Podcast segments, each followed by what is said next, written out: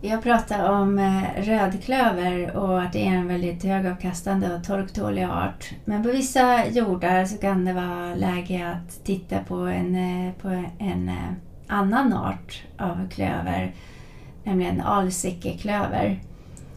Den är på de allra flesta jordar inte lika högavkastande som rödklöver men som sagt var i vissa tillfällen så kan det vara ett alternativ med alsikeklöver.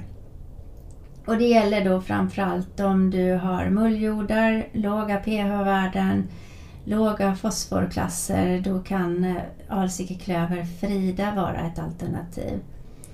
Frida är då en svensk förädlad tetraploidsort som är högavkastande eh, och det är en förädlingsframsteg jämfört med den tidigare tetraploida sorten vi hade i vårt sortiment som hette Tetra.